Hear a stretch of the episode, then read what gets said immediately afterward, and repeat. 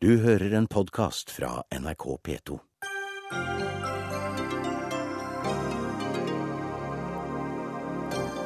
Innvandringen tømmer oljefondet i løpet av fem år, sa Siv Jensen i landsmøtetalen sist helg. I dag innrømmer hun tallfeil og møter SSB til oppklaring.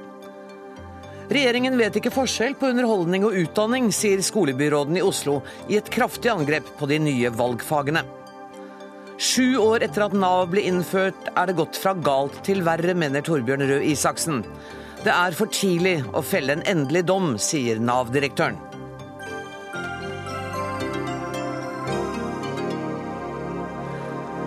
Dette er hovedsaken i Dagsnytt 18 denne onsdagen, der vi også spør om vi nordmenn kan spare oss unna en norsk finanskrise i framtida. Men først i denne sendinga skal det dreie seg om innvandring og statistikk. Statistisk sentralbyrå har lagt fram tall som viser at innvandringen til Norge aldri har vært større. Og sist helg sa Siv Jensen dette til Fremskrittspartiets landsmøte. Når eh, relativt ferske beregninger viser at norsk innvandringspolitikk overhodet ikke har bærekraft, ja, da blir det helt tyst, gitt. Er det virkelig bare Fremskrittspartiet som tør å snakke om at kostnadene ved dagens innvandringspolitikk, hvis den får fortsette, bare i fem år til Bare i fem år til så har man beregnet at kostnadene ved den politikken vil være 4100 milliarder kroner. Og la meg forklare dere hvor mye penger det er. Det er hele oljefondet vårt pluss statens aksjer i Statoil til sammen.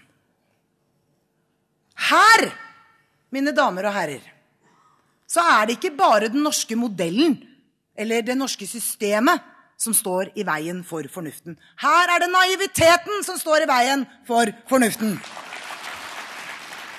Erling Holmøy, eh, du er forskningsleder i Statistisk sentralbyrå. Og dere har jo sjøl sagt at innvandringen har aldri vært høyere, og likevel så påpeker dere feil her. Hva er det som er feil i det Siv Jensen sa på landsmøtetalen? Ja, Her har man brukt eh, tall som Finansavisen har regnet. De Finansavisen har brukt eh, tall fra oss og laget de ganske store på en for så vidt riktig måte. Man har Spesielt så har man summert virkningene våre som kommer år for år, over alle disse årene vi har regnet på. Det er ganske mange. Vi har regnet frem til 2100. Men hun dette... sier i løpet av fem år. Ja, men det er det som er feil. Det, det tror jeg er ganske sikkert er feil.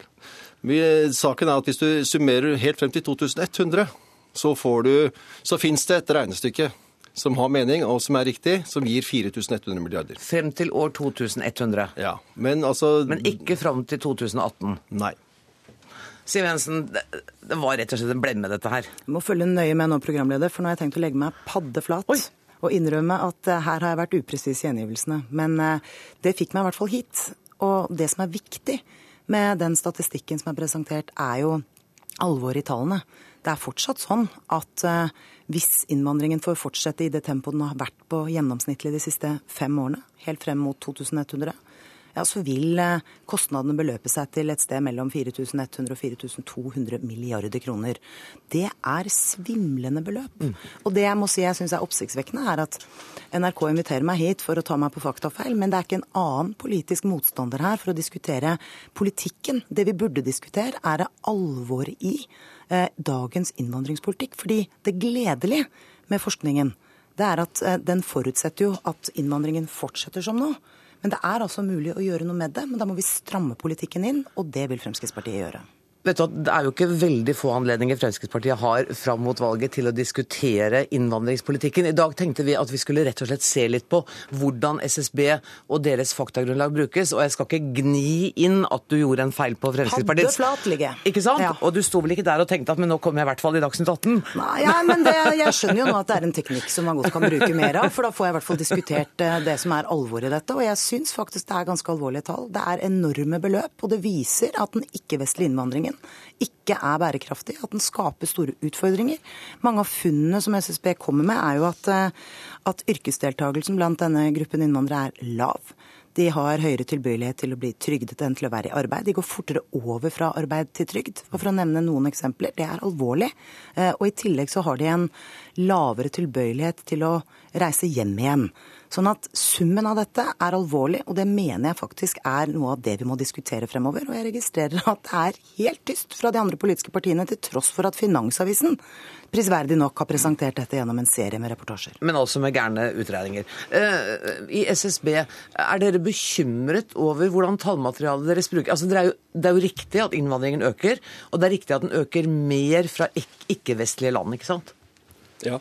Asia Nå har vi jo hatt sterk økning fra Øst-Europa og Østland de siste årene. Og så har det gått litt ned. Ja, kanskje de siste årene. Ja, det siste året har jeg ikke helt oversikt over, Nei, okay. men, eh, men, men bildet siden 2004 er jo veldig sterk økning fra Øst-Europa. Sånn at alt det Siv Jensen sier, bortsett fra utregningen i antall år, er riktig. Riktig. Ehm, Det er en tolkning av tallene. Vi har altså konkludert annerledes enn rapporten vi skrev. Eh, Vi syns at altså Jeg tror, jeg husker ikke dette ordrett, men jeg mener det samme likevel. At de, innenfor de variasjonene som de, Vi ser jo på litt ulike scenarioer for innvandring, og litt ulike scenarioer for hvordan etterkommerne, altså barna til innvandrerne, oppfører seg. Og For oss så er konklusjonen like, likevel at det er på en måte eldrebølgen Som er det store. som er så store problemet. Og så har utgangspunktet vært er det sånn at innvandring eh, letter på den børa der, eller gjør det det verre? Og der er vel vår konklusjon at hvis vi ikke får mye sterkere innvandring fra problemfolk, eh, altså folk som ikke jobber og skal ha mye trygd isteden, enn vi har hatt hittil, så er ikke innvandring det veldig viktig i dette bildet her, altså. Der er det, klart, eldrebølge. Det er oss som kommer til å trenge Ja. en, sykehjemsplass i løpet av de neste ti årene. Ja, altså fordi vi tar da hensyn til at innvandrerne er ikke selv arbeids... De som kommer for å jobber i grunn fra dag én, de blir også gamle og eh, skal ha eiendomssorg og pensjoner osv. Og, så og så får de barn som, som går gjennom den vanlige kverna. Det er klart De sparer oss for en oppvekst og en utdanningsfase, det gjør de. Men Men, men eh, når du sier at eh, det er, eh, det er eldrebølgen som er det store problemet, så har dere også skissert måter å takle det på, f.eks. ved skatteheving og ved noe reduksjon i velferdsgoder. ja, her er det jo mange måter å gripe dette an på. Pensjonsreformen er et veldig viktig skritt. Det bringer oss et stykke på vei, men det løser f.eks. ikke finansieringsproblemet som kommer når vi får mange flere som skal inn i eldreomsorgen og bruke helsetjenester. Eh, og, og, hvis, og, og dette er på en måte problemer som ligger i, i at Norge har dimensjonert en velferdsstat som ikke helt er finansiert når vi blir mange flere eldre. Og du kan si Når vi gjør det, når vi løser det problemet der, på en eller annen måte, så vil alle innbyggerne i Norge være noe mer lønnsomme for staten enn de er i dag. Og det vil også gjelde innvandrerne. Hvordan da? Det der, da henger jeg ikke helt med. Ja, Hvis det er slik at hver av oss betaler skatter, og vi mm. får tilbake offentlige goder som pensjoner, trygder, barnetrygd, utdanning, helse og omsorg eh, I gjennomsnitt, så hvis vi utligner på alle, så får vi litt mer fra det offentlige enn det vi betaler inn for. Vi bruker oljepenger. Fremover så må vi øke skattene eller kutte noen offentlige utgifter. Eh, og da vil det være sånn at hver og en av oss, også innvandrerne, betaler for noe mer av det de får fra det offentlige. Og da vil også bidraget fra innvandring se gunstigere ut i forhold til det vi har regnet på. Så det du sier, hvis jeg skal tabloidisere det litt, er at det er eldrebølgen som ikke er bærekraftig. Det er ikke, det er ikke innvandringen. Eldrebølgen er iallfall et helt sikkert fenomen. Eh, Men innvandring er stor, og jeg vil ikke undervurdere de problemene som bl.a. Siv Jensen og Finansavisen peker på. Det, det vil være all gå altfor langt. Eh, Men jeg vil ikke tillegge det den store betydningen. Og jeg synes kanskje at det er en viss sånn higen etter å finne tall som er store, fordi man, det hadde passet veldig godt inn i argumentasjonen og retorikken hvis de var store. Men jeg tror at dette som nå skjedde, var rett og slett en blunder. som Ja, jeg men det også har hun innrømmet og og lagt seg flat for, skal slippe å gjøre det det flere er, ganger. når, når det gjelder innvandring i forhold til eldrebølgen, så er det et fenomen som vi på en måte ikke kan forske oss til noe særlig innsikt om. Og Det er et problem for oss som driver litt med det. Vi vet sett, sant å si ikke hvem som kommer og hvor mange de er, og hvordan de vil oppføre seg når de kommer. Men dere vet at eldrebølgen blir et problem, og det er jo dere også klar over, Siv Jensen. Ja, og vi kan ikke gjøre noe med at folk blir eldre. Vi har et ansvar for å sørge for at eh, de blir tatt godt vare på og får ulike velferdsordninger og hjelp og pleie når de har behov for det. Men vi kan altså gjøre noe med innvandringen til Norge.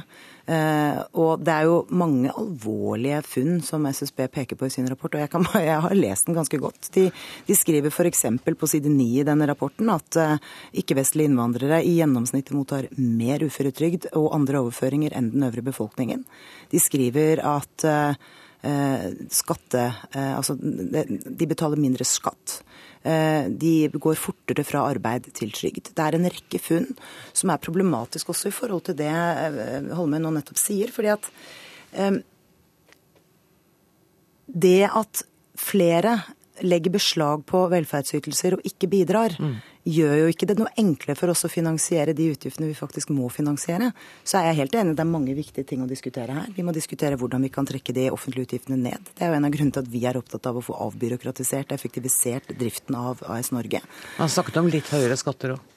Han sa som alternativ enten å kutte offentlige utgifter eller øke skattene. Og jeg er uenig i det. Jeg mener at det er mye bedre å redusere skattetrykket fordi det genererer inntekter over tid. Men summa summarum så er utgangspunktet for denne debatten hva slags innvandring vi skal ha til Norge. Og Fremskrittspartiet mener altså at vi må stille krav til hvem som får lov til å komme til Norge. Og vi må forvente at de som faktisk kommer hit, blir godt integrert, går ut i jobb og er med på å betale velferdsytelser i fremtiden. Det er problemet med dagens politikk. Og hvis den får fortsette, så blir det et eh, stort problem som kommer på toppen av andre utgifter. Og da er det jo ikke noe poeng å styre rett inn i å pådra seg utgifter som vi kan redusere. Og nettopp derfor er det viktig å diskutere hva slags innvandringspolitikk vi skal ha. Derfor hadde jeg ønsket en eh, representant fra Arbeiderpartiet for eksempel, som har ansvaret for den politiske utviklingen som nå er. Vet du hva, Jeg kan love deg på tro og ære at jeg skal invitere deg hit for å diskutere med politikere. Det ser jeg frem til. Akkurat i dag var det eh, Statistisk sentralbyrå som for oss var det interessante fordi det var nyanser i hvordan man tolker tallene. Jeg sier tusen takk både til eh, Erling Holmøy, eh, forsker i SSB, og til Siv Jensen, leder av Fremskrittspartiet. Og så sier jeg velkommen til deg, Hege Ulstein. Du er kommentator kommentator i Dagsavisen. Eh, nå hørte vi Siv Jensen la seg øyeblikkelig og tungt paddeflat uh, for den feilen fra landsmøtet. Hun er vel ikke den eneste politikeren som har kommet med feil tall i en entusiastisk landsmøtetall noen gang?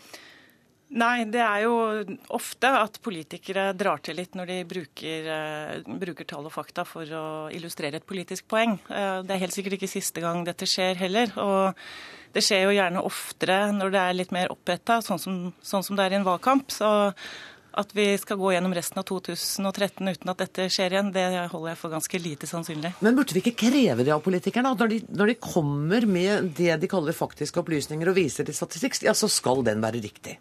Jo, det bør vi forvente av politikerne. Men eh, problemet, eller det fascinerende med politikk, alt ettersom hvordan man ser på det, er jo at politikk er jo ikke bare fakta.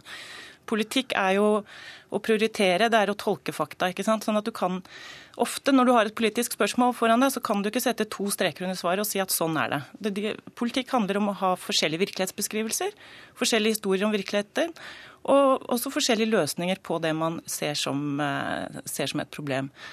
Og jeg tror kanskje særlig den type debatter som innvandringsdebatten, som, som er veldig følelses, følelseslada, hvor det er sterke, sterke konflikter, så vil du få en tendens til at man plukker litt de faktaene som, eh, som passer, og, og, og, overdriver litt i, i debatten fordi, fordi følelsene styrer mer enn en bare de tørre faktaene, dessverre. Og statistikeren, altså Forskeren fra Statistisk eh, sentralbyrå sa at og politikerne er litt på jakt etter de store tallene. Det er klart det. ikke sant? Da får de, da får de medieoppslag, da får de oppmerksomhet. og det, altså Når du kan snakke om hele oljefondet og eh, alle eh, aksjene til Statoil, det, det, svinger litt mer enn 25 millioner. Ja.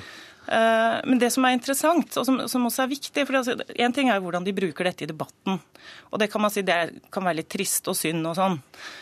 Men det som er viktig, er jo at de i hvert fall forholder seg til fakta når de skal utforme politikken. Altså Når de virkelig skal sette seg ned og vedta lover og sette i gang politiske handlingsplaner og den type ting, da er det i hvert fall viktig at de forholder seg til fakta. Og det er jo jobben til bl.a. Statistisk sentralbyrå å levere grunnlaget for at politikere kan fatte korrekte beslutninger. Ja, det skjønner jeg, De leverer grunnlaget, men så kan altså det grunnlaget eh, tolkes og bearbeides og løses opp i hvilken politisk retning man måtte ønske. Ja, men så er det Det er jo sikkert litt pinlig for Siv Jensen at hun sleiver til på en, Og i dag går hun lei seg, så- ja. så det er liksom greit. Men, uh, men det er ikke noe sånn kjempestort samfunnsproblem. Det som er, vil være et stort problem, er jo hvis politikere bruker vrengte fakta eller feil faktagrunnlag for å iverksette reell politikk. Det, det er et mye større problem enn enn et sånn sleivspark i en eh, landsmøtetall, tenker jeg da.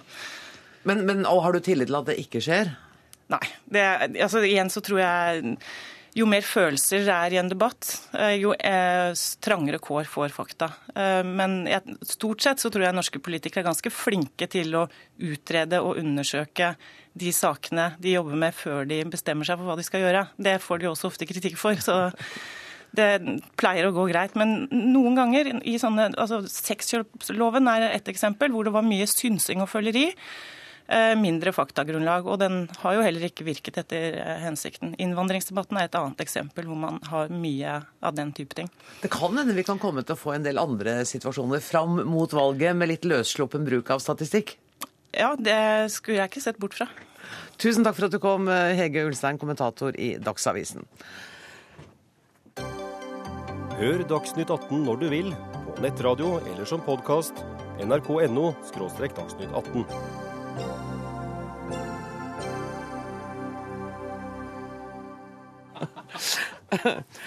Ferieplanlegging, båtførerprøve og jegerprøven er noe av det elever i ungdomsskolen kan bli tilbudt undervisning i gjennom valgfag. Valgfag ble gjeninnført høsten 2012 etter å ha vært borte siden 1997. Utdanningsbyråd i Oslo for Høyre, Torger Ødegaard, du kaller det underholdning og ikke utdanning. Hva er det som er gærent med dette? Um, hovedutfordringen i norsk skole er at for mange elever er for dårlige i lesing og regning etter ti år. Og at for mange ikke fullfører videregående skole. Det mener jeg er hovedutfordring. Og da er ikke svaret på den utfordringen å lage et lappeteppe, makramé. Man plukker litt herfra og derfra og setter sammen noen valgfag som man tror, artige nye valgfag som man tror skal på en måte få opp eh, lærelysten eh, i matematikk og i norsk eh, og i de eh, viktige fagene. Jeg mener at når det er hovedutfordringen, at så mange har så store problemer med de grunnleggende ferdighetene, så må man trene mer på det. Og så er det noen som sier ja, det blir veldig akademisk og kjedelig det, da. Jeg, Kristin Halvorsen sier at er, kanskje jeg er litt gammeldags. Men jeg syns ikke det er gammeldags å bidra til at flere fullfører og består eh, skolen. Og det er fullt mulig å praktisk rette undervisning. Det har vi snakket om mange ganger. Ja. de Også i dette studio. ja. Også i rettestudio. Og, jeg, eh, og jeg, jeg har sett hvordan det kan gjøres. For jeg man- tenker at Hvis du er veldig dårlig i norsk og har sperrer på det, og du er veldig dårlig i regning, og så kommer du og trekker dem etter håret og sier dette går dårlig, men her, sett deg ned, du skal pugge litt til. Ja. Det er Nei, fint. Jeg tror ikke det er løsningen. Eh, at man ser for seg en sånn gammeldags skole hvor alle sammen sitter etter hverandre på rekke og rad, og en slem lærer eh, eh, som går rundt. Men jeg tror at det er mulig. Vi har sett mange eksempler på det rundt omkring i Kommune-Norge også. Skoler som har forbedra læringsresultatene sine. Og det er ikke bare jeg som mener dette. I forrige uke så hadde vi besøk av en kjent skoleforsker som heter Andreas Schleicher, som har en ledende posisjon innenfor OECD. Og han sa, han som brukte det uttrykket, at det er en del som ser ut til å forveksle utdannelse eh, med underholdning. Og det er en tendens til å innføre mange nye eh, fag. Eh, han mente at, at forskning kunne belegge at nå er, det tid for å konsentrere seg om det viktigste først. Og at framtida også kommer til å sette enda større krav til elevenes kompetanse. De må kunne mer, rett og slett, for å greie seg godt. Og da er mitt svar at da, akkurat nå så tror jeg det er viktig for dette landet og for elevene eh, at vi bruker mer tid på matematikk. Ikke kjedelig eh, teoretisk undervisning, men praktisk og artig. At, vi bru at, at det er der vi setter inn ressursene, fremfor å finne på eh, mange nye ting. Kunnskapsminister Kristin Halvorsen, jeg sier Ja. bare vær så god. Ja. Motiverte elever lærer mer. Og noe av det som er den største utfordringen på ungdomsskolen, det er at elevene mister motivasjon. Og særlig ser vi jo at en del gutter blir hengende etter, leser mye dårligere enn jentene. Hvis de får muligheten til å ta trafikalt grunnkurs på ungdomsskolen, virkelig lese noe de er interessert i, virkelig regne i en sammenheng der de har interesse, f.eks. hvor lang tid tar det å bremse hvis du har den og den eh, hastigheten, så øker det lærelysten, og de lærer mer lesing, skriving og regning. Hvis du har mulighet til å lage en liten elevbedrift, som er et reisebyrå, eh, og skrive og lese og snakke engelsk og regne valutaer og tidssoner og alt mulig sånt, så er det en kjempegod måte å lære på. Det vet vi fra Ungt Entreprenørskap. Dette er to timer i uka. Dette er en mulighet for elevene å følge interessene sine litt mer. Det er for å få opp læringstrykket og læringsinteressen. Men du, to timer i uka. altså De som er så gamle at de har hatt valgfag da, før, før 1997, de sier at det, det var hvileskjær. altså. Det var de to timene hvor du ikke investerte en døyt. Ja, det er helt riktig. Og det, da, da valgfagene ble avviklet, så var det over 280 forskjellige valgfag rundt omkring. Eh, og det var et slags sånn eh, pauseknapp. Derfor har vi nå laga et sentralt opplegg for valgfagene. Det skal være karakterer i valgfag, du skal måles på det. Og de er satt sammen av elementer fra andre fag. Eh, så hele poenget her er nettopp å at elevene skal kunne følge interessene sine mer. Du kan f.eks. ha teknologi i praksis. Fysisk aktivitet og helse er det mest populære valgfaget i dag. Forskning i praksis er en annen type valgfag. Her er det om å gjøre for oss gjennom å kunne tilby elevene å velge litt mer i tråd med sine egne faglige interesser og få opp motivasjon. Og husk på, Dette er elever som om noen få år skal velge hva slags utdanning de skal ta for framtida. Det er klart det å starte på ungdomstrinnet med å kunne peke seg ut en retning, følge interessene sine noe mer, det er bare sunt og motiverende. Jeg klarer ikke å dy meg, Ødegaard, jeg må få lov å sitere litt. For her står det da at elevene bl.a. skal bruke sansene for å tolke tegn i naturen. Eh, det, det blir litt sånn hmm. Er det mm? Ja, altså hvis, Hvordan måler du det, da? Nei, men, men natur, miljø og friluftsliv, det er jo et Hvor de skal tolke tegn i naturen. Jo, jo, men det er jo f.eks. Eh, la oss si ta, ta klimaspørsmålet. Det er klart at Da må du se deg rundt ute i naturen for å se hvordan det eh, eh, forløper. Hva skal du se etter, hvordan eh, skal det være. Dette, I dette faget så kan du f.eks. ta jegerprøven. Det vil jo også være en inngang inn til mange av de gutta som kvier seg mest for å lese. Så her er det jo rett og slett å få mer motiverte elever er elever som lærer mer. Det er det som er hele poenget. Men jeg tror ikke disse valgfagene fører til det. Jeg syns også disse eksemplene her er ganske gode, for jeg syns de, de, viser at vi har sporet helt av. Altså, jeg har en datter som er 16 15 år, og hun vil gjerne begynne å øvelseskjøre. Før hun kan det, så må hun ta noe som heter trafikalt grunnkurs. Det var ikke sånn jeg skulle øvelseskjøre, men det er noen år siden. og det, det, det, må hun ta. Jeg syns det er en typisk fritidsaktivitet. Jeg syns ikke det er riktig at skolen, som vi pålegger stadig nye ting, og har eh, store krav og forventninger til, eh, skal legge til rette for at elevene kan ta trafikalt grunnkurs. Jeg syns også jegerprøve er en fin og hyggelig ting å ta, men en typisk fritidsaktivitet. Så jeg syns disse eksemplene viser egentlig at vi har spora av. Og så er jeg enig med Kristin Halvorsen at man skal praktisk rette undervisningen. Og at eh, man kan øh, måle bremselengder, at man kan bruke matematikken på eh, det virkelige liv. Eh, man, og der har vi mye å gå på. Men det vil jeg gjøre i de ordinære fagene. Mm. Jeg vil ikke klippe og lime og lage en makramé eller en sammensetning av mange nye fag med biter herfra og derfra. Eh, og i den tro at hvis elevene bare får gjøre noe helt annet, så kanskje, hvis de får gjøre noe helt annet på fredag, så er det kanskje morsomt å ha matematikk på mandag. Men jeg tror ikke det er morsomt å ha matematikk eh, på mandag. Hvis du har kommet til 10. klasse uten å ha lært deg de fire regneartene, uten å ha lært deg det helt grunnleggende, da tror jeg du må trene mer på det. Gjerne på en praktisk rettet, eh, artig og interessant måte. Vet dere at I Oslo-skolen så gjennomfører vi nå eksamenskurs på sommeren i regi av sommerskolen til elever som har uh, strøket i matematikk og naturfag. Og I løpet av tre, en sånn tre ukers eksamenskurs så er det mange elever som får karakteren tre og fire, hvor altså kanskje har strevd med matematikken gjennom hele skoleløpet sitt. Matematikk har vært et ork. For noen så skal det ikke mer til. Komme i en liten gruppe med noen dedikerte, flinke lærere, og så er de, så er de over bøygen, og så har de klart det. Jeg vil ha høyere ambisjoner på den vanlige undervisningen, det som skjer hver dag. Men Oslo skal ha veldig mye skryt for den sommerskolen som de har. Og det er på en måte egentlig litt valgfag samla på, på, sommeren. Og det, det, mange av de elevene sier, er jo at de får opp en, en motivasjon og lærer mye. Ta, ta, en annen mulighet som vi har forskning i praksis. Mange elever har teoretiske interesser, faglige interesser, som går utover det medelevene deres eh, har eh, på ungdomstrinnet. Gjennom å definere seg forskningsprosjekter. Kan de lære forskningsmetoder, de kan jobbe med eh, matematikk, naturfag, mange ulike fag, og få inn noe som gjør at de har noe å strekke seg etter. Dette er, dette er rett og slett eh, å svare på noe av det som 13-14-åringer sliter mest med og det er å holde motivasjon. De sier at skolen er for mye på sida av resten av samfunnet. Det er ikke relevant det jeg lærer på skolen. Her har de muligheten til å følge interessene. Så har vi nå et svært program for å få alle ungdomsskoler til å jobbe mer praktisk og relevant i alle fag. Og det gleder jeg meg Og sånn til å høre mer om. Og det skal jeg gjerne komme tilbake til en annen gang. det gleder jeg meg til. Når jeg blir invitert på mitt. Eksamensskolen i Oslo fortsetter, men det gjør også valgfagene. Yes, det gjør det. Og da må dere gå begge to med en slags uforretta sak. Tusen takk for at dere kom. Den er forrett.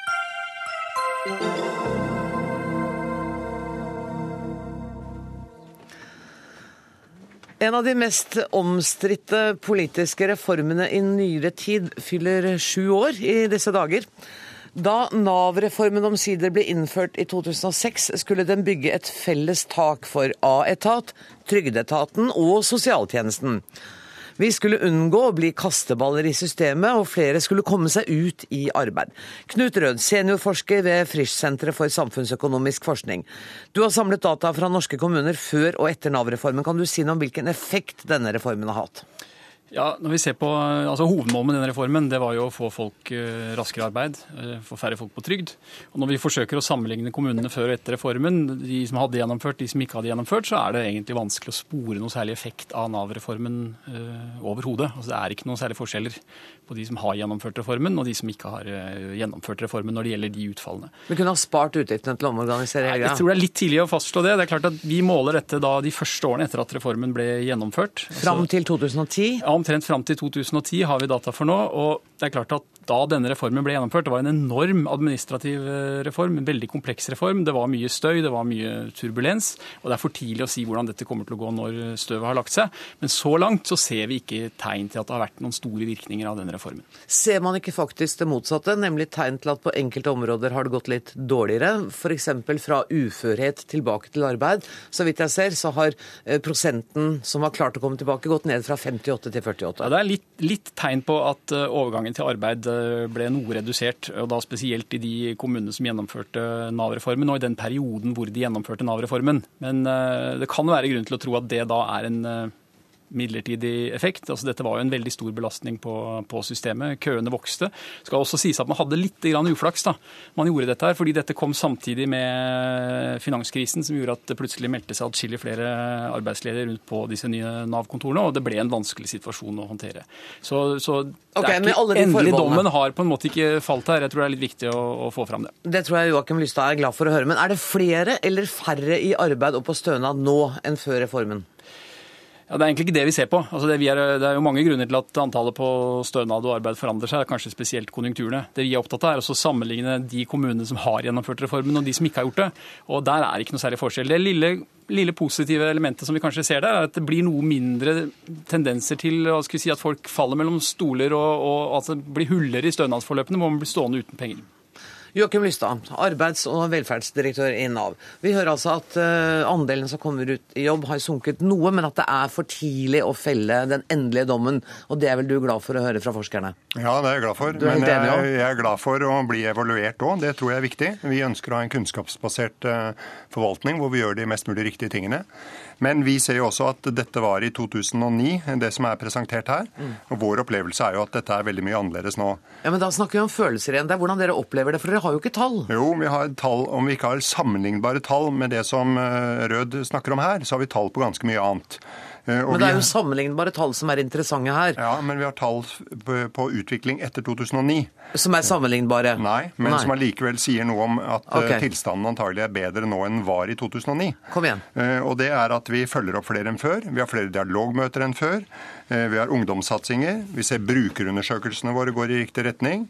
Vi ser medieomtalen, som du kjenner til, er helt annerledes enn hva den var for tre-fire år siden. For det er mer ro rundt eh, Nav-systemet.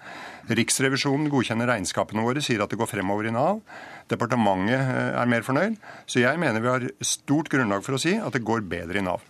Men allikevel så er det sånn at dere har en stor andel klager på dere. Ca. 5000, eller er det tallet sunket? Ja, Det tallet har jeg ikke helt i hodet. Det fordeler seg jo på litt ulike måter. Det ene er forvaltningsklager, og det andre er serviceklager. Nettopp. Og, og det eh, mange klager på, som vi ser i avisene gang på gang på gang, Mm. er jo at det fortsatt er et helt ugjennombrytelig byråkrati. Eh, Vi har Det var det vi skulle bli kvitt. Ja, eh, men eh, vi må huske på at vi har 30 000 telefonsamtaler om dagen. Vi har 400 000 inngående eh, saker i måneden. Vi betaler ut 14 000 kroner i sekundet. Vi vil alltid komme til å ha klager i Nav. Både forvaltningsklager og serviceklager. Men vi opplever at det er en helt annen ro rundt systemet vårt nå enn hva det var. Ikke etter dette. Robert Eriksson, leder av arbeids- og sosialkomiteen på Stortinget for Fremskrittspartiet. I Aftenposten i dag så sammenligner du dagens Nav-struktur med å være gift med 429 koner på én gang.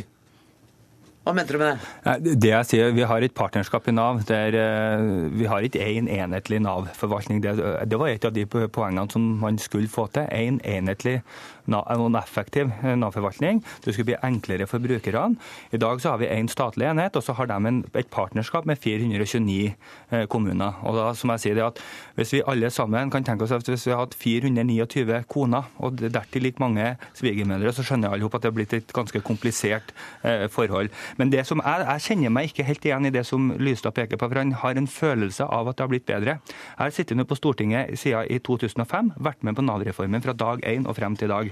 Jeg mottar like mange henvendelser i dag over frustrerte brukere der ute som føler at de stanger hodet i veggen imot byråkratiet, ikke får den hjelpa de, de trenger, der de føler de blir kasta fra det ene tiltaket til det andre, og der vi har et system som nærmest gjør dem tiltaksavhengige, i stedet for at ressursene blir brukt på å hjelpe dem tilbake til arbeidslivet. Og Det ser vi faktisk en del tall eh, på, at man ikke klarer å hjelpe flere til, til arbeidslivet. Bare ta den saken som står i VG i dag, der man er skikkelig på hælene til å hjelpe 71 000 mennesker tilbake til arbeid. De har gått over lang tid uten ordentlig oppfølging, som gjør nå at man produserer for fulle mugger over mot uføretrygd. Det er et svikt i systemet. Der har man ikke vært flink nok til å tenke og sett mennesket etter skjønn. Skulle man avvikle hele etaten? Nei, vet du, Jeg er veldig for at vi skal ha Nav, men jeg mener også at vi politikere, når vi har vært med oss og vedtatt Nav-reformen, og ser at her er det ting som eh, går eh, galt av sted, så har vi også et ansvar i å prøve å rette opp det som er galt, for å få det til å bli bedre, for å nå de intensjonene som vi har sagt, nemlig Ja. at det skal bli bedre for brukerne, mer enhetlig forvaltning, og ikke minst at det skal bli enklere å forholde seg til. Ja, og, Men hvordan har du tenkt å gjøre det? Jeg er litt ute etter svar, jeg her nå. Altså løsninger. Ja, og Der har vi lagt fram et representantforslag har jeg lagt fram i Stortinget, som det er til behandling nå, med ni konkrete forslag som vil styrke brukerperspektivet og gjøre om, eh, forvaltning- eh, gjøre om på organiseringa. Annet så ønsker vi å få reindyrka én styringslinje ved at vi avvikler partnerskapet. Vi ønsker å føre mer makt tilbake og vedtaksmyndighet igjen til de, de lokale enhetene av Nav. Ok, vet du hva, Jeg angrer på at jeg spurte, for jeg hører at jeg har ikke tid til de alle ni punktene. Men jeg skjønte det første. Torbjørn Røe Isaksen, er din kritikk like krass som Fremskrittspartiets? Ja, den, den er jo i og for seg det, for det, men det er en kritikk som, er, som jeg mener er vår, vår jobb som folkevalgte å komme med. For det, Nav er grunnmuren i velferdssystemet vårt. Og når folk opplever at Nav svikter, så er det velferdssystemet som svikter. Men hvem, hvis um, virkelighetsoppfatning er riktig da, er det Navs, eller er det de som ringer til Fremskrittspartiet og klager? Nei, Begge deler er jo riktig. For det er jo riktig også, som Joakim Lystad sier, at det går bedre i Nav. Eh, Og Nav har mange flinke folk, mange ansatte som gjør en fantastisk jobb. Eh, Det er ikke de kriseoverskriftene som vi så for noen år siden, men det er heller ikke sånn at Nav klarer å gjøre det som vi politikere hadde håpet at Nav skulle gjøre da man satte i gang Nav-reformen. Håpet. Dere satte som helt tydelige krav. Målet var Ja, jeg er flere i arbeid og aktivitet, færre på stønad. Ikke oppnådd. Enklere for brukerne og tilpasset brukernes behov. Ikke oppnådd.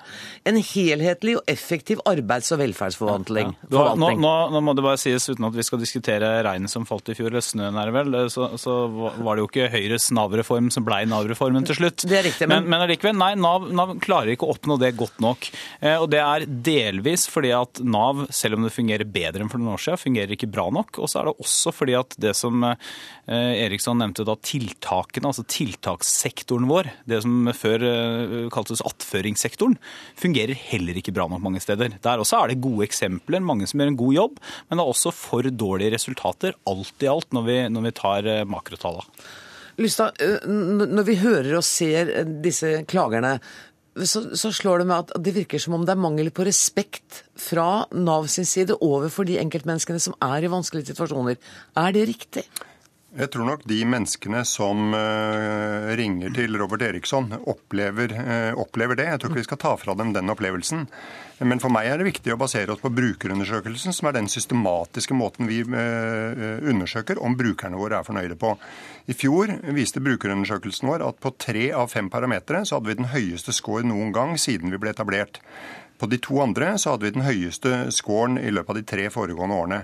Eh, jeg har grunn til å håpe på at den brukerundersøkelsen som kommer om ikke altfor lenge, eh, vil vise at vi går ytterligere fremover. Det er for meg eh, det viktigste svaret på om på en måte brukerne er mer fornøyd enn før. Men føler du at dere har dårlig tid på å bli bedre? At dere må skynde dere litt? Ja, jeg eh, opplever at våre ansatte eh, er veldig stolte av forbedringen som vi får til, og det mener jeg det er grunn til. Men vi er ikke stolte av der vi er. Hva, vi vil bli bedre. Mm, og hvordan skal dere gjøre det?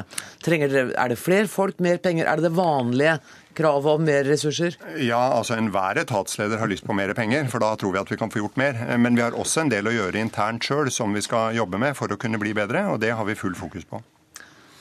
Ja, jeg, jeg, jeg, tror én nøkkel er, er, at Nav er i dag veldig overstyrt, byråkratisert, overadministrert.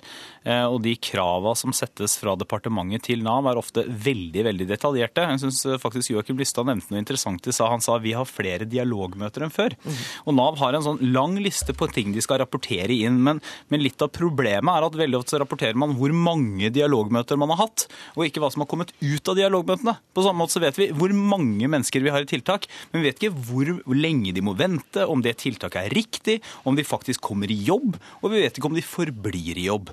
Så jeg mener at eh, noe av nøkkelen er kanskje å la være å ha et sånn voldsom eh, målstyring av Nav i alle detaljting, og heller la Nav få lov til å få litt større albuerom til å løse problemene. Og kanskje la forskerne fortsette å følge opp eh, med å registrere hva som skjer videre. Kommer det til å gjøre det? Ja, vi kommer til å følge dette videre og se hvordan det går over tid med ambisjonen om å få flere i arbeid og, færre på trygd. Og Det er jo på en måte bare tallene som til syvende og sist kan svare på om dette har vært vellykket eller ikke. Men jeg tror vi kanskje skal huske på én ting i, i, i diskusjonen her, og det er at ting var ikke helt perfekt før Nav-reformen ble iverksatt heller. Altså Det var en grunn til at man gjorde dette her man opplevde at det var store problemer også i tidligere, de tidligere etatene med at folk ble kastet mellom eh, etater osv. Så, videre. så det ligger nok en mulighet for å få til noe bedre her, men det kan hende at det tar litt tid å få alle brikkene på plass, sånn at dette fungerer sånn som det skal. Ja, for jeg husker i hvert fall En av ambisjonene var at nå skulle jeg som enkeltmenneske ha ett sted å henvende meg. Eriksson, sånn ble det ikke helt.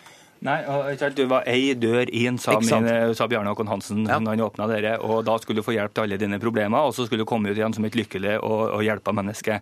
Sånn ble det ikke. Du kom til ei dør inn, og til, som åpna ti nye dører. Eh, og så ble du sendt mellom de ulike dørene uten å få den nødvendige hjelpa. Så har vi fragmentert organiseringa etter hvert, der vi har flytta makt og myndighet og vedtaksmyndighet fra der folk bor, nemlig lokalt, over til forvaltningsenheter, over til spesialenheter. Og forvaltningsenheter var jo ikke noe som i utgangspunktet lå inn i Stortingets oppdrag. Det var noe som man sa som Nav og, og regjeringa fant på sjøl, for at man skulle gjøre at det skulle bli bedre for brukerne å få mer tid til å hjelpe brukerne. Men resultatet av undersøkelsene viser jo også det at man ikke har fått mer tid til å hjelpe brukerne heller ved å ha de i forvaltningsenhetene. Men faktum er altså at brukerundersøkelsen sier at det går bedre, og det er flere fornøyde brukere, og Joakim Lystad lover at de jobber med saken. Jeg skal bare legge til før vi avrunder at vi har invitert arbeids- og sosialminister Anniken Huitfeldt og øvrig politiske ledelse i Arbeidsdepartementet til oss i dag, men ingen av dem hadde anledning til å komme. Jeg er veldig glad for at dere hadde det. Tusen takk skal dere ha, Knut Rød, Joakim Lystad, Torbjørn Røe Isaksen og Robert Eriksson.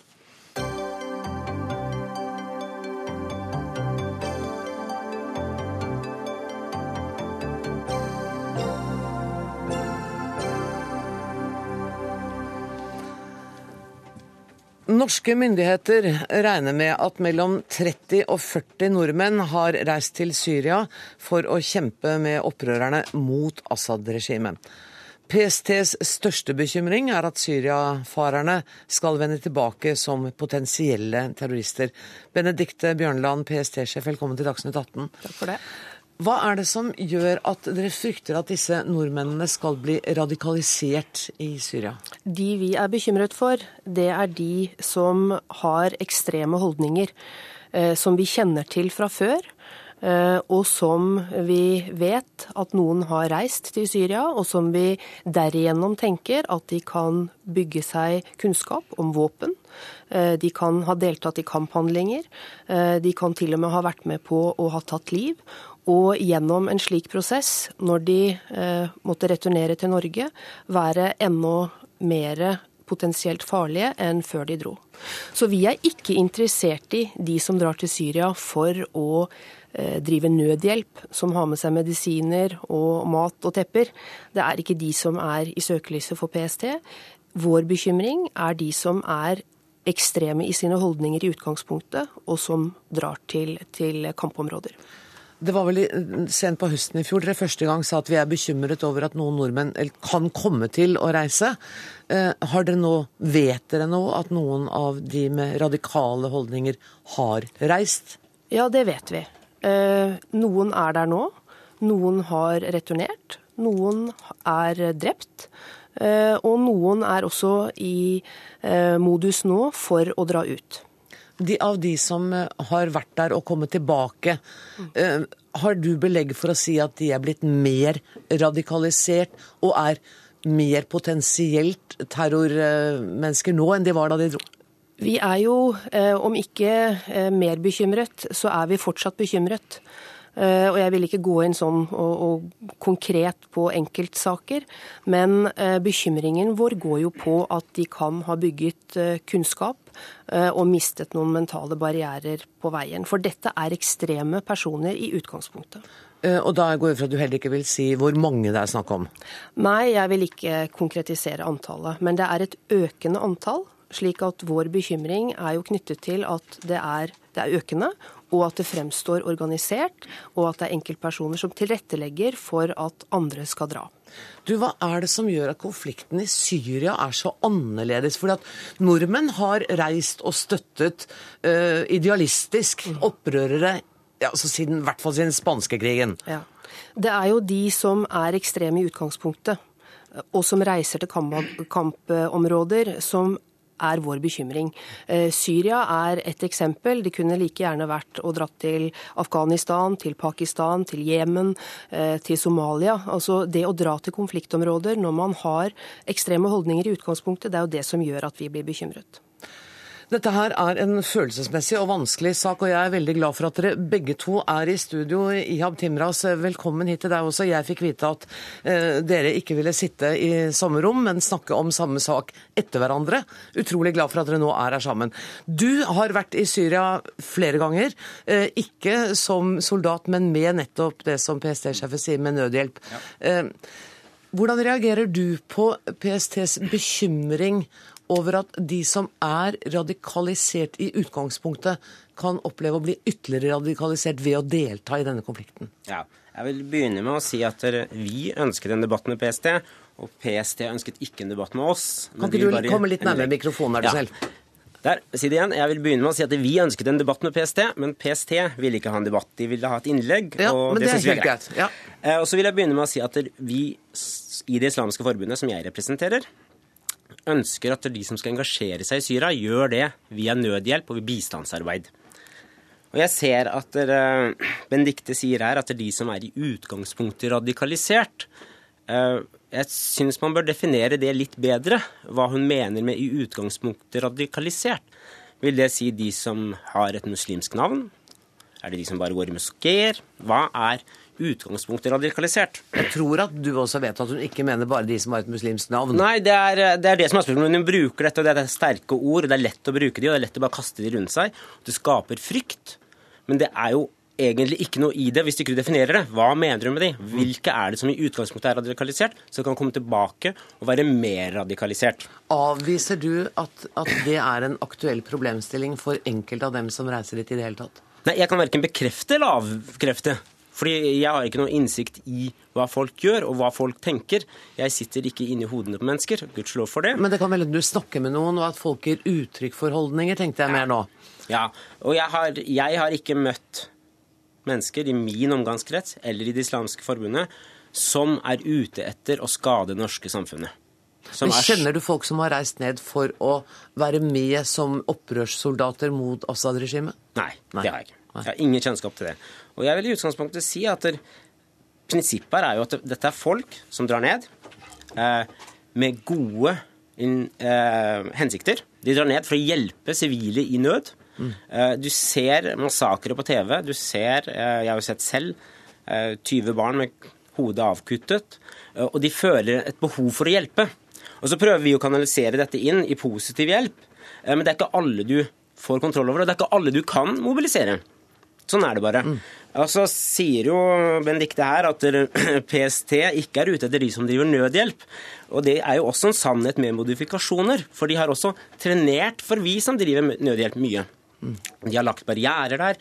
Jeg personlig har blitt stoppet på flyplassen, tatt til side av seks tjenestemenn, helt uprovisert, eh, i en helt åpen kampanje som ikke er skjult, som er veldig klart, godt dokumentert, med både TV-team med oss og med alt det som er ligger rundt. Så det er ikke Men helt riktig hvor, var det, sier. hvor var det du ble stoppet hen? På Gardermoen. Nettopp. Eh, Nå er jeg litt forvirret, for jeg har fått beskjed om at dere ikke vil debattere. Nei, men dere er i er- samme eh, rom. Men kan, altså, kan jeg be PST-sjefen om, eh, om å få f.eks. en definisjon på hva hun mener med radikalisert? Nei, det får hun gjøre etterpå, når hun vil debattere. Å, ja, hun vil ikke debattere i denne saken her, så da er det, den lista egentlig satt, etter vår mening. Det- De har bedt om å ikke få ordet etter at de har hatt innlegget, og da får de det heller ikke, Men, men det er altså ikke du som bestemmer hvem som får ordet i denne, akkurat i denne sendinga her, for det er meg. Eh, Og, og jeg har behov for å få oppklart hva begrepet radikalisering er. Du etterlyste det, og det syns jeg vil gjerne spørre deg, ja, PST-sjef, hva det er. eh, En radikalisert person eller en person med ekstreme holdninger er jo en som ønsker å benytte vold for å fremme sitt synspunkt. Eh, Så er det, det er de med voldelig intensjon vi er interessert i. Og ikke de som reiser for å hjelpe og drive nødhjelp. Men da er jo nettopp da poenget hvordan, er dere, hvordan kan dere være inne i hodene på folk? Nei, og dette er vanskelig. Dette er ikke lett å vite hvor går grensen mellom eh, en radikal muslim, som vi i utgangspunktet ikke er interessert i, og en ekstrem islamist. Dette er vanskelige grensedragninger, og vi kan ha kommet til å ta kontakt med folk for å spørre, eh, og det er jo frivillig å prate med oss, hva har du tenkt å, å gjøre hvis du skal til Syria? Eh, Det kan vi gjøre. Eh, Og man kan si at vi har ikke lyst til å prate med PST, det er også helt greit. Men det er på en måte det eneste virkemidlet vi har. Eh, Vi kan ikke stanse personer som ønsker å reise ut og delta i den type konflikter i utlandet, men vi forsøker, hvis vi er bekymret, eh, å få de til å snu. Ja, gjør dere det? Ja, vi gjør det. Har dere vi klart vet det med noen? Ja, altså Det er med vekslende hell. Eh, Det er noen som er faste i sitt ønske om å dra. Eh, Og per nå så kan ikke vi si at det er straffbart å dra ut og, og, og delta i den type konflikter. Er Kan du si noe om hvordan dere forsøker å overtale dem til å bli? Vi ønsker å, å ytre vår bekymring og si at eh, her, her er man inne i gråsoner. Dette er farlig. eh, Og man kan komme i kontakt med eh, terrororganisasjoner. Man kan komme i kontakt med opprørsgrupper som er knyttet til terrororganisasjoner. Dette kan få veldig uheldige konsekvenser for deg. Ihab, ehm, nå hørte du definisjonen som PST-sjefen Ja, har. han definerte en ekstremist med en som er villig, eller vil, bruke vold for å fremme sine ideer. Og da er det utrolig mange som eh, kommer inn i den kategorien i Norge. Det er jo både det norske forsvaret og folk som opererer innen Afghanistan, det er Nato. Så det, det blir, det blir for, for generelt. Men allikevel så vil jeg tilbake til det. Vi, er, vi har egentlig samme utgangspunkt. Vi vil hindre voldelige aksjoner i Norge. Vi vil hindre terror i Norge. Det vil vi begge to. Så det er måten vi gjør det på. Og jeg mener at det er mange, majoriteten helt sikkert, av de som drar til Syria, dette er mennesker det står respekt av. Aktverdighet. Robert Mood sa at dette er engasjerte nordmenn som drar ned for å kjempe mot et tyranni. Og det er lett for oss som sitter her i Norge, eh, å ikke forstå at noen er villig til å ofre livet sitt, altså sine egne penger for sin egen regning, til å slåss for å forsvare sivile.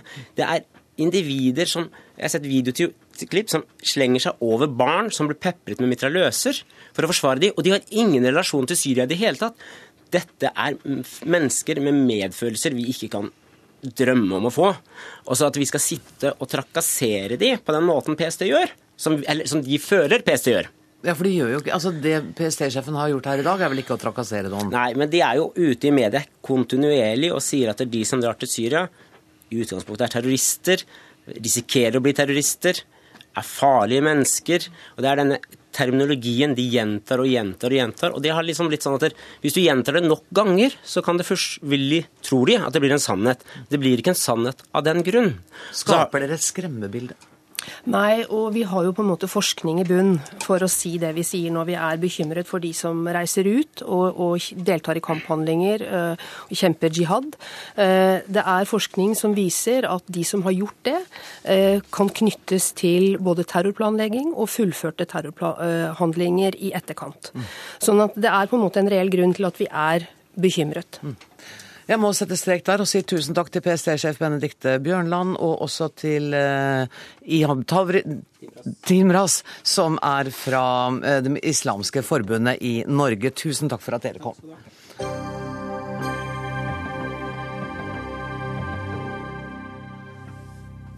Det går fra vondt til verre med økonomien i eurosonen, og arbeidsledigheten bare øker.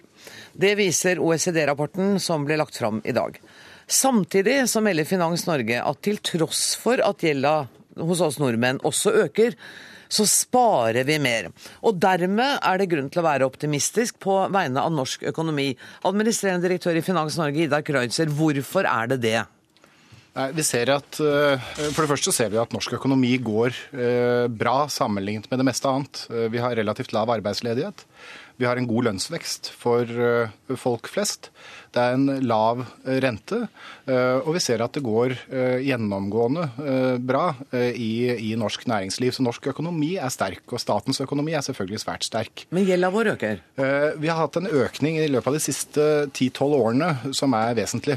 Fra 125% av disponibel inntekt til 200% Men det vi ser, er at det er de som har størst evne til å bære økt gjeld, som står for den største delen av gjeldsøkningen. Så ingen grunn til bekymring der? Uh, altså, Vi følger det der veldig tett. Uh, og det vi også ser, er at 3,8% av de norske husholdningene uh, de har en kombinasjon av relativt lav inntekt og ganske høy gjeld og høy gjeldsvekst.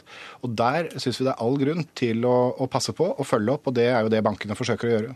Det, men det gjelder altså under 4 av låntakerne? Av husholdningene. Av husholdningene, ja. Um, dere skriver også at nordmenn har tillit både til sin egen og til landets økonomi. Kan det hende at den i tilliten er noe overdrevet? Eh, dette er en undersøkelse som du henviser til, som vi har gjennomført nå i svært mange år. Og Det interessante er å se at eh, folk flest, eh, når de svarer på den undersøkelsen, de har ganske rett, altså. Det er ikke sånn at folk flest tenker helt feil. Snarere tvert imot. Det er god sammenheng mellom utviklingen i økonomien og det folk sier de oppfatter om utviklingen i økonomien. Kristian Anton eh, Smedshaug, eh, hva er din reaksjon på dette? Du er daglig leder i Agri Analyse. Takk. Jo, Min reaksjon det første er jo at dette høres jo på overflaten ganske vakkert ut. At vi øker eh, sparingen til 8% og det utgjør kanskje 100 milliarder, da, sånn som det er satt opp. 105 milliarder for i fjor. På den annen side så er jo det et sektorregnskap. Hvis du ser på den andre siden av den, nemlig gjeldsveksten, som også Kreutzer var inne på, så er den 160-70 milliarder i samme periode. Og der er det en forskjell på 50-60 milliarder. Det betyr at i praksis så er nettogjeldsveksten ikke ubetydelig i norske husholdninger ut fra de tallene. Ja, men du, er... bare, bare, sånn Vi snakker om det samme her. for Det, det Kreutzer sier, er at de som står for den største delen av gjeldsveksten, det er folk med høy inntekt og solid økonomi, som evner å betjene den gjelda. Under 4% av husholdningene er på et nivå hvor det er bekymringsfullt. Ja, Det er jo en definisjonssak som vi stadig har strukket. Før så var det problematisk å ha mer enn to ganger disponibel inntekt i gjeld. Nå er det liksom tre og fire ganger blitt akseptalt, og nå er det fem ganger som er det kritiske punktet. Ja. Dette har vi strukket hele veien, så jeg vil si at den debatten om hvor mye som på en måte er problematisk i en enkelt husholdning, den har vi utvidet så mye at jeg syns den blir mindre og mindre interessant. Det andre er at vi er verdens tredje mest forgjeldede husholdninger. Altså vi ligger på drøye 200% som Kreutzer sier. Vi er slått av Danmark på 250, og Nederland som ligger omtrent på samme nivå. Og de som har stor tillit til staten, staten og stor tillit til fellesskapet, de er også villige til å påta seg mye gjeld, men før eller siden stopper det også der. Og vi norske husholdninger har økt gjelda mer enn lønnsveksten hvert eneste år siden 1995, og før eller siden møter også dette veggen. Og skal vi se rundt oss, som du innledet med, den europeiske krisa, den skyldes nettopp gjeldsvekst over lang tid, som ingen tok på alvor. Vi er på vei inn i det samme, og vi bør ta de signalene utenfra, den erfaringen som vestlige land ellers har fått, alvorlig mens det ennå er mulig å gjøre det med det. Men mener du at Finans Norge eh, er med på å tegne et litt for rosenrødt bilde av situasjonen? Er vi nærmere et slags stup enn Finans Norge vil se? Altså Min personlige oppfatning er at vi har alle faresignalene i norsk økonomi. Vi har en eiendomsprisvekst som er den største i den vestlige verden, så langt jeg har greid å bringe på det. Det er mulig å slått av Hongkong, og det er jo ikke akkurat den vestlige verden. Vi har en todeling av økonomien. Vi har delvis en avindustrialisering fra svenskegrensa til eh, vestlandskysten. Og vi har en innvandringsbølge som setter voldsomt press på norsk infrastruktur, boliger, veier, offentlige tjenester etc. Det er tre tøffe eh, prosesser som går samtidig i norsk økonomi, og det tror jeg må ta veldig på alvor, for det er veldig mange faresignaler totalt sett. Men hva, eh, som privatperson, hva er ditt råd til folk da? Ikke ta opp så mye gjeld? Ja, Råd til folk er å betale ned så mye som mulig, så man har størst mulig økonomisk eh, frihet. Ikke satse på en eh, boligprisvekst som ikke kan eh, vare evig. Og rett og slett begynne å sette mer tæring etter, etter næring. og legge om mens vi ennå har en del å gå på. For det, det er ikke bare vi som sier dette her, det er jo amerikanske studier og andre som sier at Norge og delvis Sverige er de to landene som ikke har hatt en boligpriskorreksjon, og som er nærmest dette i deres eksterne analyser. Litt nøysomhet, Krøser. Ja, da, det, Hvis vi ser på den undersøkelsen igjen, som er utgangspunktet for spørsmålet ditt, så ser vi, at det, ser vi at det det norske folk sier, i tillegg til at man nå sparer mer enn vi har gjort på øh, svært, svært lang tid, så sier man at den viktigste måten å spare på for tiden, det er å nedbetale boliggjeld. Så dette rådet, som også vi har gitt, det følges av det norske folk. Eh, I tillegg til det som nå eh, sies, så er det jo viktig å få med seg også at vi jo, eh, ligger jo også veldig godt an når det gjelder hva vi har av sparemidler. Og Hvis vi ser på summen av det vi har av sparemidler, minus summen av det vi har på gjeld, så har vi netto sparemidler på langt over 300 milliarder kroner. Så jeg tror det er viktig på den ene siden å si at en gjeldsvekst som er høyere enn disponibel inntekt, det kan ikke fortsette over tid. Vi har Nei, sagt det flere det er ganger, eh, og det kan ikke fortsette over tid. Det norske folk sier at vi skal betale ned på gjelden, og det er viktig at man gjør. Press i boligmarkedet, det må vi også håndtere. Steinar Vedås, det det er kollega her i NRK, økonomiske kommentator. Det er, det er liksom to litt forskjellige virkelighetsoppfatninger jeg hører her. Ja, men Det er en veldig viktig diskusjon. fordi at Når ting snur, så, så er det vanskelig å se det. Og, og eh, Hvis en del av den sparingen vi har her i landet, egentlig er sparing i den nye boligen vi kjøper oss, fordi vi må låne mer penger fordi boligprisene har steget, så kan det være at vi liksom lurer oss selv i det øyeblikk ting snur. Og her hører vi jo gjeldsgraden i norske husholdninger er blant de høyeste i verden. Og må begrenses framover. Og boligprisene er liksom helt unike. Og de tøffer videre. Og vi har holdt på lenge på denne måten her. ikke sant? Det at eh, Gjelden øker med 7% men vi syns ikke det er noe problem så lenge boligprisene øker med 8 Eh, Men dette minner om veldig mye av det vi så i USA før krisen. Kan det bli sånn her? Vel, altså det, jeg, I dag hadde jeg gleden av å lytte til eh, nobelprisvinner Josef Stiglitz sitt foredrag i, i Auland. eh, og Han beskrev virkelighet før, før det smalt i 15.9.2008 i USA. Da hadde de lave renter, akkurat som i Norge. De hadde stigende boligpriser, akkurat som i Norge. Og det var veldig lett å få lån. Der var det også så lett at de som overhodet ikke skulle ha lån, de fikk også låne. Altså ikke som i Norge? Nei, bortsett fra at de solgte jo de mest råtne lånene sine bl.a. til Norge, da, så de ble jo kvitt dette. Mm. Men det var farlig. Og det som den gangen skjedde, det var faktisk ikke finansnæringen som trykket bremsene inn. De ble spurt eh, underveis også. Lederen for den største banken der, eh, Citibank, han ble spurt hvor lenge kan dette vare. Og da svarte han vi danser så lenge musikken spiller. Og det er på en måte det signalet som finansnæringen er kjent for å ha, og som er viktig å, å si fra om. Krøse, dette er jo viktige signaler. Ja, ja, naturligvis. Og, og, jeg tror man eh, kan trekke en stor feilslutning hvis man forsøker å sammenligne situasjonen i USA med situasjonen i Norge. Hovedproblemet var at man ga store lån, eh, omfattende lån, til folk som åpenbart ikke kunne betale. Det er det vi i Norge kaller dårlig bank bankhåndverk, og det driver vi ikke eh, med. Så det du sier at dette kan ikke skje i Norge? Eh, Samtidig, når det er sagt, vi følger dette tett, og det er veldig viktig. Eh, Vi har ingen interesse av eh, å, å, å skjønnmale situasjonen. Så det, det du sier er at dette kan skje i Norge? Det jeg sier, det er det at vi følger situasjonen tett. Det skal alle gjøre. Vi liker denne diskusjonen, men vi ser ikke de store faresignalene som vi nå fikk referert. Men jeg har lyst til å legge til da, ja, fordi at eh, Finanstilsynet sier at nå er det på tide å ha litt egne penger før man går i banken og låner penger hos Kreutzer. Ja, de foreslo 15 Det syns Kreutzer var i meste laget. Så det er andre som setter på bremsene enn Kreutzer og finansnæringen. Vaktsjefen har satt på bremsen for denne sendinga. Dagsnytt 18 er slutt. Jeg må si takk til Ida Kreutzer, Christian Anton Smedshagen og Steinar Medios. Ansvarlig for dagens sending var Dag Dørum. Det tekniske ansvaret har Beate Haugtrø. Jeg heter Anne Grosvold. Vi høres igjen i morgen. Takk for nå. Du har hørt en podkast fra NRK P2.